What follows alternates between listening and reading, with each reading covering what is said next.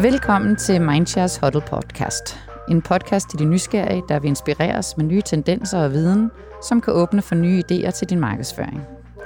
Jeg er Louise Bakskov og er Nordic Business Director i Mindshare. Jeg sidder i dag i Bauer Medias podcaststudie til Mindshares Huddle arrangement med Annette Prehn, der lige har været på scenen og tale om vaner. Annette er sociolog, hun er bestsellerforfatter til hele seks bøger om hjernens spilleregler, såvel som syv minibøger og har fem yderligere titler på vej.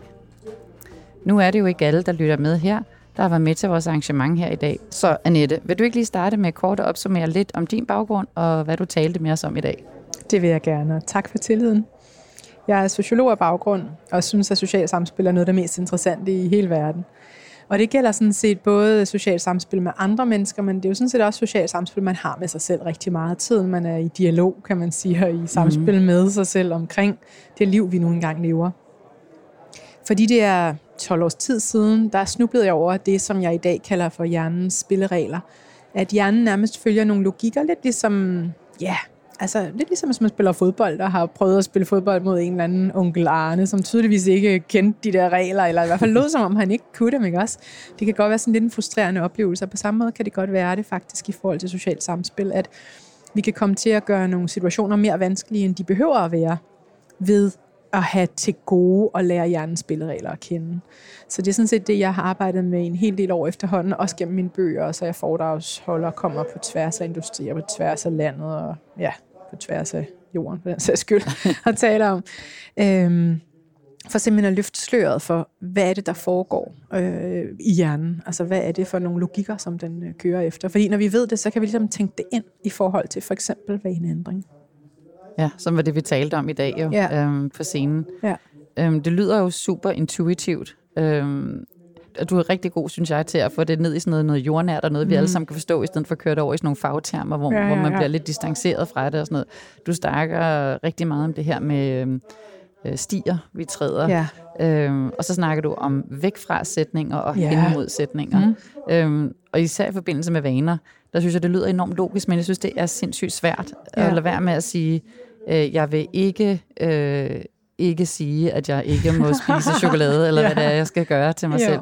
Øhm, kan du ikke prøve at fortælle lidt om, hvordan man prøver at vende det så? Altså, hvad jo, det, man skal gøre? meget gerne. Jamen altså, for det første er det godt at vide, altså hvis man vil have hjernen som medspiller, så er det godt at vide, at den består af de der 86 milliarder hjerneceller. Det er i hvert fald det seneste bud fra forskningen. Og, og hver hjernecelle har forbindelse til omkring 10.000 andre, så det er sådan et meget livfuldt øh, netværk, der hele tiden er i gang øh, i øverste etage. Og, øh, og det, der så er værd at vide også, det er, at at det hele tiden forandres ud fra et princip, man kalder for use it or lose it. At bruge det eller miste. Så de forbindelser, vi bruger rigtig tit, jamen de, de fungerer lidt ligesom en sti i en skov, som vi går på rigtig ofte. Den bliver bredere, den bliver trampet op, den bliver også nemmere at gå på. Altså hvis vi har prøvet at være i skoven og gå og sådan snik-snak med en. Og så har vi jo sikkert alle sammen erfaret, at når stierne ligesom er anlagt, så, det, så behøver vi ikke tænke så meget over det, så går vi bare afsted på dem, ikke også? Og på samme måde i hjernen, nogle af stierne kan være så brede, de næsten kan være en slags motorveje, og så er det, vi begynder at opleve, at det er vores personlighed, der må mm. være sådan, ikke?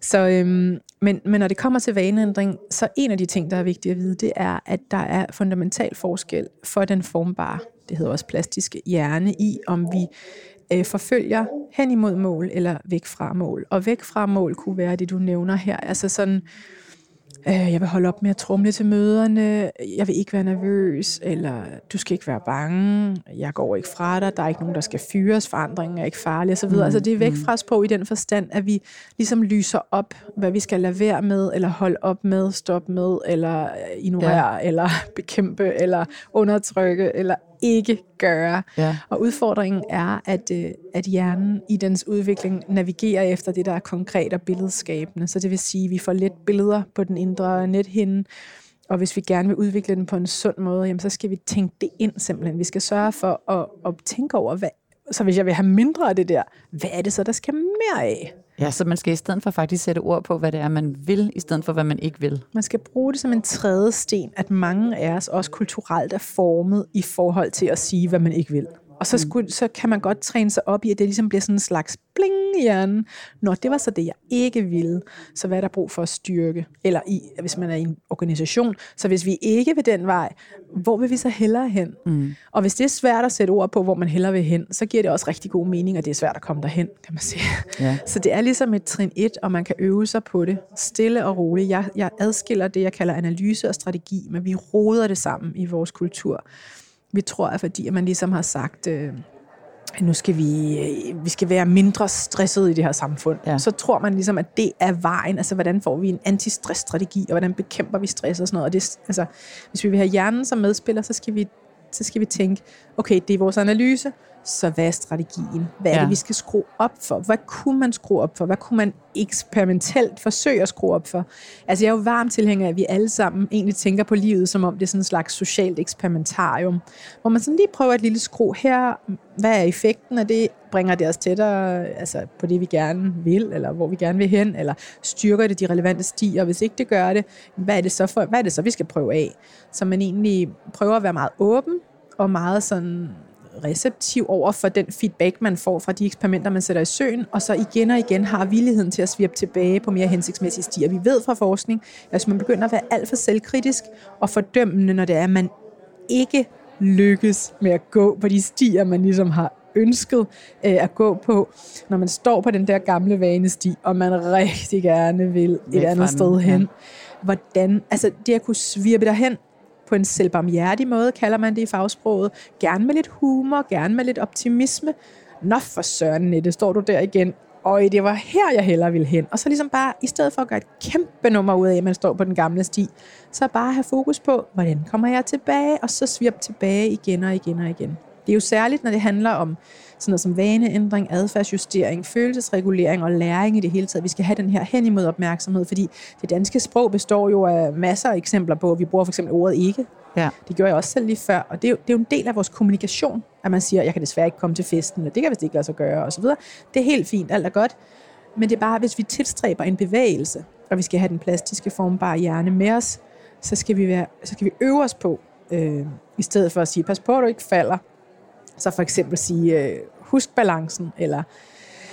Samle øh, fødderne op, eller noget. Ja, ja altså løft fødderne, mm. eller mm. se, hvor du løber, eller hvad det nu måtte være. Ikke? Altså egentlig forvent den der logik om. Og det er også den eneste, hvis vi har at gøre med børn og unge og sådan noget, så er det sådan set deres chance for at bygge læring op i livet. Det er jo sådan set, hvis vi er i stand til os at vise dem, hvad er det så, du skal gøre i stedet for? Ja. Altså, hvorfor er det, at det er mere hensigtsmæssigt at gøre det her? Ikke? Ja. Så hvad kommer stresspanelet så frem til? Når de, fordi jeg synes netop, man hører ordet stress hele tiden, og ja. så tænker jeg, så må det jo trampe ret mange stier op i ret mange Ja, men jeg kan også godt afsløre, at hvis jeg nu var blevet spurgt, om jeg ville være formand, inden panelet havde fået sit navn, så tror jeg, det havde fået et andet navn. Men altså det, hvad har du så kaldt det? Nå, man skal jo kende sin øh, besøgelsestid, kan man sige. Jamen, øh, altså, man kan i hvert fald sige, det vi gerne vil have mere af, hvis man ønsker mindre stress, det er sådan noget som mental sundhed men det er også sådan noget som ro og restitution. Det er rigtig vigtigt. Altså, vi ved, der er en direkte sammenhæng mellem, at mennesker sover for dårligt og for lidt, og det, øh, det disponerer for stress.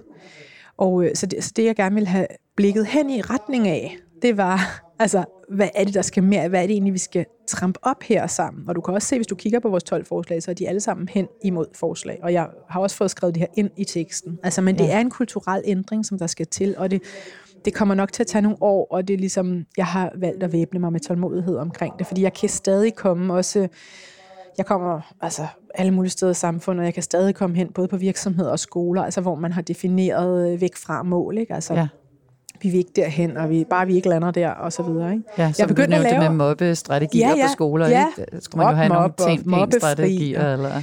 Ja, altså i hvert fald, hvis man vil have mindre mobning et sted, hvad er det så, der skal styrkes? Jamen det er jo formentlig sådan en sti, som vi kunne kalde empatistien og respektstien.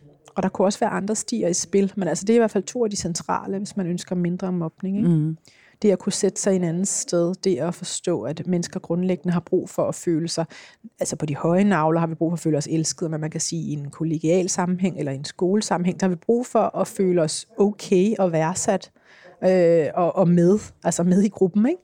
Og, og, og jo mere vi ligesom kan lyse det op og vende tilbage til så uanset hvad vi lige tænker om den, der rigtig gerne vil være med i lejen, så kan man sige, og, og gerne vil med i leg, være med i en leg, og så få at vide, at den ene og den anden, nej, det må vi ikke, og vi vil hellere lege alene og sådan noget. Hvad gør det? Altså, det, ja. er den, det er den evne, som der er brug for at træne op, hvis vi skal være øh, mindre mobbende og ekskluderende og mere øh, forstående over for hinandens behov og, og villige til ligesom at fagne dem. Ikke? Så det er vel også det, der så skal til i vaneændring? Ja. Ja. Du skriver om kognitiv fleksibilitet som noget, der er nødvendigt for at kunne skifte vaner. Hvad mm. betyder, mm. hvad betyder det? Hvad ja, det er et godt spørgsmål. Ja. Altså kognitivt er alt, hvad der foregår mellem ørerne, kan man sige. Fleksibilitet vil sige, altså det, at man kunne gøre noget andet, end man måske lige havde planlagt, og det, man er villig til at ligesom, ja, for den sags skyld improvisere, og igen ligesom være opmærksom på, hvad kommer der af feedback, når jeg gør det. Kognitiv fleksibilitet fremhæves som måske ja, altså en af de aller, aller, aller vigtigste evner overhovedet i 21. århundrede. Og min seneste bog, Flip, den handler faktisk om, at man hjælper sin formbare hjerne med at kunne, kunne takle, altså det at være i det 21. århundrede. Og det skyldes jo flere ting. Det skyldes, at vi står i en tid, hvor befinder os i en tid, hvor der er vældig mange forandringer øh, undervejs, både i de virksomheder, vi er i, organisationer, hvor vi nu færdes til hverdag, i, øh, i samfundet som helhed, i vores kultur. Der er også øh, mange møder på tværs af kulturer, øh, og, der, og kultur er jo mange ting, kan man sige, men hvor vi ligesom møder mennesker, som er lidt anderledes end os selv, nogle gange meget anderledes end os selv, så evnen til at kunne pause sit eget perspektiv, og så tage en andens briller på det ligger der i den her kognitive fleksibilitet. Men, men det kunne også være, at jeg ligesom har set mig sur på en bestemt situation. Jeg ved, den er et vilkår, jeg ved, det er et faktum, jeg ved, det kommer til at ske alligevel, og jeg kan jo godt modarbejde det big time, i, altså om ikke andet som mental, altså være rigtig vred over, nu skal vi have nye IT-systemer, eller mm nu kom der en ny chef, og jeg var så glad for den gamle, og så videre, ikke? Men, øh, men det er også noget med sådan lidt også at kende sin besøgelsestid der, og så sige, okay, hvad kan påvirkes, og hvad kan ikke påvirkes? Og det er jo rigtig fint at sætte kræfter ind på at påvirke en beslutning, hvis den stadig er i den zone, hvor den kan påvirkes. Men nogle gange, så er vi bare der, hvor beslutningen er truffet, det kommer Løbet til at ske alligevel, ja. og så kan du godt ligge, ligge vågen om natten, eller græde over det her i flere måneder.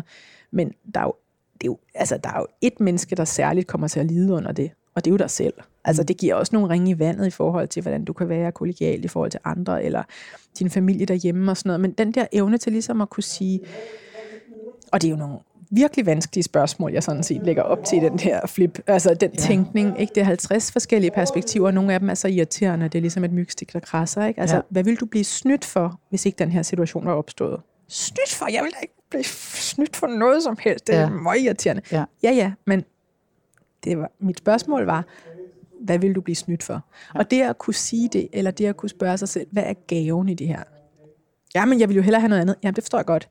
Men hvilken gave kunne der komme ud af det, der nu engang er på vej, eller at det, der nu engang er sket? Det ligger der blandt andet i kognitiv fleksibilitet, men også det at kunne tage en andens sko på.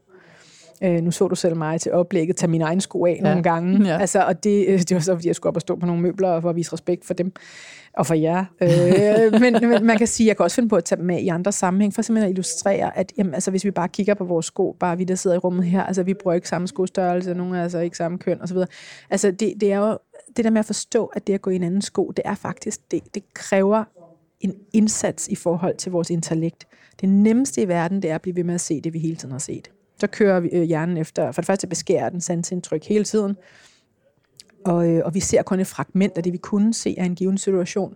Men for det andet, så, så kører der også et princip i hjernen, der hedder bekræftelseskævhed. Så når først Louise, du eller jeg har ligesom udlagt situationen eller en person på en given måde, så det nemmeste i verden, det er at ligesom indsamle bevis på, at vi har ret så kører der egentlig, hjernen er et stort ekokammer, kan du sige. Mm. At vi begynder at tale om digitale ekokammer derude, i forhold til, hvordan algoritmer arbejder og sådan noget. Men hjernen har hele tiden været et stort ekokammer. Og der vi der sådan tænker, at vi sådan bare sådan semi-godt begavet. Altså vi kan så bruge den der begavelse på, og, og, og virkelig prøve at, at invitere os selv, eller tilvælge igen og igen og igen, og se noget lidt andet end det, der ligger lige for. Ja. Det, det er sådan grundessensen af kognitiv fleksibilitet. Jeg kalder det også villigheden til selvdrilleri. Ja. Vi har en disciplin her i landet, ikke mindst også i andre lande, men du, hvor vi, kalder, vi taler om selvironi og hvor vigtigt det er. Og ja, det er det. Og det er selvdrilleri også. Ja. Så det der med at kunne, kunne se noget fra en given situation, fordi det ligger lige for, og så kunne sige, ja, Annette, men hvordan kunne man ellers se på det her? Ja, men jeg kan jo meget godt lide min måde at se det på. Ja, ja, det er jeg klar over. Men hvis du nu skulle bruge din begævelse på at se noget lidt andet, end det du ser, hvordan kunne det så se ud? Det er simpelthen vil, evnen til og villigheden til selvdrilleri. Det er det, der i høj grad knytter an til kognitiv fleksibilitet.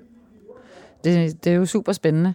Øhm, du nævner også øh, for, forandringsparathed som en vane. Mm. Øhm, normalt så forbinder jeg jo vaner med noget, jeg gør meget repetitivt, men mm. forandringsparathed, det er jo ikke så repetitivt. Øhm, så hvordan bliver man forandringsparat som vane? Altså, mm. Ja, det er et godt spørgsmål. For det første vil jeg godt lige anerkende, altså hvad vaner kan og gør. Altså det er jo, vaner er jo, om man så må sige, tænkt som aflastning af vores hjerne. Altså det er jo super smart. Der er nogle ting, som vi i meget lille grad behøver at tænke over. Noget, der bare ligesom kører. Så så livet er en lang vanedannelse, kan du sige, og det aflaster os. Vi kan rette vores opmærksomhed nogle mere interessante, nyskabende steder hen, når vi ikke behøver at tænke sig over det der med, om vi får børstet vores tænder, eller om vi lige, hvornår, øh, hvad, hvilken pedal øh, dækker over hvad, og så videre. Det kører bare. Så jeg vil gerne anerkende som udgangspunkt, at vi har vaner, og de er der. Men, men man kan sige, de kan også nogle gange blive så rigide, at vi egentlig har svært ved at være i den virkelighed, vi nu engang er i. Så når jeg taler om det at være forandringsparat som vane, så ligger der egentlig det i det, at i princippet, næsten uanset hvilken situation du kommer ud for, så bare det lille spørgsmål, jeg også lige nævnte før, det der med, hvad er gaven i det her? Altså, det er jo et skrækkeligt spørgsmål. Ja. Hvis toget lige har kørt, og vi skulle have været sted og møde dig der, og jeg kommer for sent, og, eller du ved, et eller andet, der, er en eller anden, der har været en, en konflikt, altså på en eller anden måde, vi har måske haft et, et, en højlydt diskussion, eller skænderi, eller vi gik måske til, måske til en jobsamtale, og vi fik altså vi ville gerne have haft det der job, men det gik til en anden og så videre.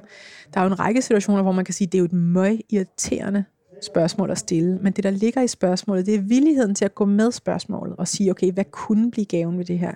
Der var en kvinde, der kontaktede mig, øh, det er sådan en åben foredrag, jeg holdt for nogle måneder tilbage, som havde været i en situation, hvor det var blevet meldt ud på hendes arbejdsplads, at der skulle være en fyringsrunde, og hun kunne mærke, at hun blev grebet af altså, ja, frygt for, at det var hende, angst, dybest ja. og angst, ikke? Ja. for hvad skulle der ske nu. Men så havde hun så læst flip, og de her, der er så 50 perspektiver til stede, og det er jo, altså jeg har egentlig tænkt flip som værende, så tager man et perspektiv, et spørgsmål og stiller sig selv i en situation, og så dribler man måske videre til et ja. nyt, og tager nogle stykker af gangen, og jeg havde aldrig tænkt, at det skulle være alle 50 faktisk, for at være helt ærlig, men det havde hun simpelthen valgt at gøre. Så hun havde valgt at stille sig selv alle 50 spørgsmål. Øhm, og så ligesom, så, og det, det viste hun mig så øh, sendt øh, til mig senere. Altså, hun, øh, det som hun sagde, det var, at det fuldstændig transformerede hendes indre tilstand. Pludselig kunne hun se faktisk, hvorfor at hun ville have ressourcer. Hvis det var hende, der skulle fyres, jamen, så var det faktisk på nogle punkter bedre, end hvis det var nogle af kollegerne, fordi hun var trods alt udadvendt, hun, kunne, hun havde nogle visioner for sit liv, hun ønskede nogle ting, hun var proaktiv osv. Øh, hun kunne se det som en mulighed for ligesom at tænke efter og ligesom mærke, hvad er det, okay, nu er jeg her i mit liv, og hvilke værdier vil jeg gerne ære fremadrettet, og, og så videre, så videre. Altså, ja. der var ligesom en række, okay, trods alt, hvis det skulle ske, jamen, så er vi et eller andet. I, det her, I hendes hjem, der var der så to forsørgere, ikke? så er der trods alt en anden forsørger, mm. eller du ved, jeg har trods alt, vi har jo trods alt social sikkerhedsnet i Danmark, og så videre. Ikke? Altså, det der med ligesom at rette blikket helt sådan hen imod det, der trods alt er godt, eller trods alt er et perspektiv i, kan du sige. Det, det kan ændre følelser, og det kan lyde måske som en svær ting at lære, men min erfaring er, at det er simpelthen noget, man bare stille og roligt kan træne sig op i. Have sådan nogle favoritspørgsmål, hvor man kan mærke, at det der gør faktisk noget godt for mig. Ja, altså det at øve nogle spørgsmål, man skal stille sig selv. Ja. Øhm, jeg nævnte for dig lidt før, at øh, hele vores hus står over for en ret stor flytning. Vi skal ja. flytte til nye lokaler i en helt ny lokation. Mm. Øh, nu er du jo her hos os i dag, hvor vi bor inde i centrum. Ja. Øhm, vi skal flytte ud til Amager. Har du nogle gode råd til, hvordan vi får både ledere og medarbejdere til at embrace, eller hvad et godt dansk ord, til den her begivenhed, og en ret stor forandring, i stedet for at frygte den. Mm, mm. Jeg tænker det på mange trin. Altså, det er jo både transport, og det er ja. Øhm, det, at man ikke er i byen, men man er et andet sted, og sådan noget, og hvordan kommer vi til at sidde, og ja. der er jo sikkert mange ting, der beskæftiger folk i, ja. vil de sidde i nærheden af dem, de plejede at sidde ved siden ja. af, og... Ja. Har du idéer til det? Altså, du rører ved noget vigtigt, fordi at du dels rører ved den fremtidstog, der ofte er forbundet med større forandringer. At, at det kan virkelig tage en masse, øh, ja, det kan optage en masse energi, dybest set. Øh, hvor skal jeg sidde? Hvordan bliver vores samarbejdsformer? Og jo mere man ligesom kan mm, som leder være opmærksom på at få togen til at lette, når man kan. Altså med nogle ting, der må man jo simpelthen bare kaste sig ud i det og finde ud af det, når man er der. Men det er i hvert fald en god idé at være opmærksom på, hvad fremtidstog gør ved amygdala hjernens trusselsrespons, fordi den rører et højt gear. Og, øhm, og, og det kan altså hæmme øvrige kognitive funktioner, for eksempel vores pandelabs aktiviteter. Det er, pandelapperne er derfor, at du og jeg er ansat, eller har det job, vi har. Ikke? Mm. Altså det, at vi kan præstere noget i forhold til sådan analytisk og øh, tænke strategi og risikovurdere og sådan nogle ting. Så øh, det ene, det er selvfølgelig, hvordan kan man ligesom gøre den overgang så, øh, så fuld af billeder som muligt, således at man kan se for sig, hvad der er på vej. Men noget andet, det er jo også den kognitive fleksibilitet omkring det der med at ville se styrken i det, det der nu engang er der. Og jeg hjælper jævnligt virksomheder eller organisationer, som skal lave sådan en type flytning fra et sted, som de synes er høj status, til et sted, de synes på en eller anden måde har en lavere status, eller som ikke tilbyder helt det samme. Altså, I, skal, I er jo her i nærheden af strået, og I er sikkert vant mm. til at kunne gå ned og drikke en kaffe latte når mm. som helst, eller lige købe et eller andet med hjem, eller sådan noget, ikke? Øh, fra en butik. Men det er altså en mulighed. Man kan simpelthen lave en proces. Det kræver altså lige, at man har lidt forstand på kognitiv fleksibilitet, ved at sige, og har anerkendt, hvorfor det er vigtigt. Men man kan lave en proces, hvor man simpelthen siger, hvad er der ellers, der kunne komme godt ud af det her? Eller hvad er, hvad er ellers gaven? Ja. Og jeg ved godt, at man vil vride sig lidt i tøjet omkring det og sige, ingen gaver. Jo, det kan der blive. Og det, jeg har set altså flere steder, det er sådan noget som, altså nogle virksomheder, der, der skulle flytte ud altså til et andet sted end lige sådan centrum af København for eksempel. Ikke? Altså det der med, at man faktisk erkendte, at tra- altså den trafikale situation for flere blev faktisk bedre. De skulle mod øh, altså myldretiden for eksempel. Ikke? Det at, at kunne være en rollemodel i lokalsamfundet, i stedet for at være et velfungerende sted, øh, kunne være med til at løfte lokalområdet. Der var faktisk bedre kantinemad, der var faktisk bedre indeklimatiske øh, vilkår eller rammer, end det, ja. de havde haft før, og så videre, og så videre, og så videre. Og jeg ved godt, at i stedet for at tro, at det her det ligesom med et trylleslag skal gøre, at alle siger halleluja, så er det noget, man skal betragte som en slags udfordring af den sandhed. Altså det er en sprække eller mange sprækker i den sandhed, man har fået etableret om, at det her, det bare er nitten. Ja, ja. Fordi hvis først man begynder at se det som en nitte, og man kollektivt begynder at se det som en nitte, så kan det bare gøre en masse uhensigtsmæssigt faktisk, både for jeres, øh, altså jeres præstation, men jo også for jeres kultur. Så jeg vil klart anbefale, altså et, det er en god idé at ligesom have optrænet stien i hjernen til at gøre noget, inden man gør det. Så i stedet for at kaste sig ud i, nu skal vi lige prøve at finde alle fordelene med det her, så ligesom, ulejre ligesom med lige at lære. Altså, Øve det på nogle mindre ting. Ja, ja. ja absolut. Ja. Fordi mange tror, de skal kaste sig over skeletterne i skabet, når de skal lære noget nyt, men man skal jo øve i det små. Vi vil heller ikke kaste børn ud på det dybe vand, inden vi havde sådan en vis sandsynlig altså vurdering, vi kunne vurdere og sige, der, var en, der er en vis sandsynlighed for, at de, de overlever det her, det, ja. og de kan klare det. Ikke?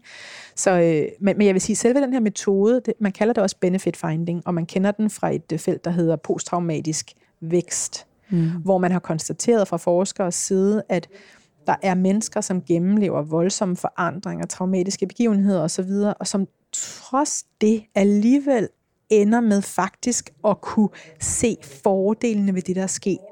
Betyder det, at man elsker det, der er sket? Nej. Betyder det, at hvis man kunne leve livet om, så ville man gerne have det ind igen, gentage det? Nej. Men det betyder, at nu det er sket, så evner de at lyse det op, der kunne komme ud af det, som ja, det er, er relativt godt. Ja, så kan du sige positivt, og den er jeg med på. Det bliver sagt tit i vores kultur. Jeg er mere på meningsskabelsen i det. Mm. Altså, vi skaber ny mening. Når nu det er sådan, I skal flytte til, hvor I nu skal flytte hen, hvilken mening kan der så skabes af det? Hvad kan altså øjnene lyse op omkring? Selvom det er en anden situation. Men løbet er jo kørt i forhold til, om I kan beslutte det, altså hvad hedder det, påvirke det eller ej. Det er jo en beslutning, den skal eksekveres, og I er en del af den beslutning. Ikke? Jo. Så evnen til ligesom at kunne få det bedste ud af det, der er, det, det ligger i høj grad mellem ørerne. Ja. Og det er derfor, jeg også synes, det er så interessant at, at dele det her med mennesker i hele landet og på tværs ja. af aldre, fordi når vi har til gode at lære hjernens spilleregler at kende, så bliver sådan nogle situationer endnu vanskeligere, end de i forvejen er. Ja. I stedet for at gøre det mere vanskeligt og svært, ikke? så kan vi prøve at tænke, hvordan bliver hjernen gjort til en medspiller her? Og så er der taget de udfordringer i livet, som nogle gange er der. De er der jo. Men det er lidt ærgerligt at gøre det sådan dobbelt vanskeligt for sig selv. Ja, så det her med, at vi har sat sådan nogle store boards op med billeder af vores nye lokaler, som ser fantastisk ud. Ja. Øhm, det er den rigtige vej for os at gå, så vi det får sådan nogle billeder af, hvordan ja. vi kommer til at sidde, i stedet for i de her forholdsvis nedslidte rammer, ja. vi sidder i i dag. Ja. Vi får også nogle rigtig gode samarbejdsområder og sådan noget, så jeg tror, det kommer nok også til at blive rigtig godt. Annette, jeg tror, vi skal slutte nu. Tusind tak for snakken. Velbekomme. Det har været super hyggeligt både at høre dit uh, huddle-foredrag, og så også at lige få anledning til at snakke med dig lidt mere. Jeg glæder mig personligt til at læse de næste bøger, som mm. jeg er sikker på vil motivere mig på nye måder, både i min hverdag og med mine udfordringer. Men øh, tak for i dag. Tak for nu.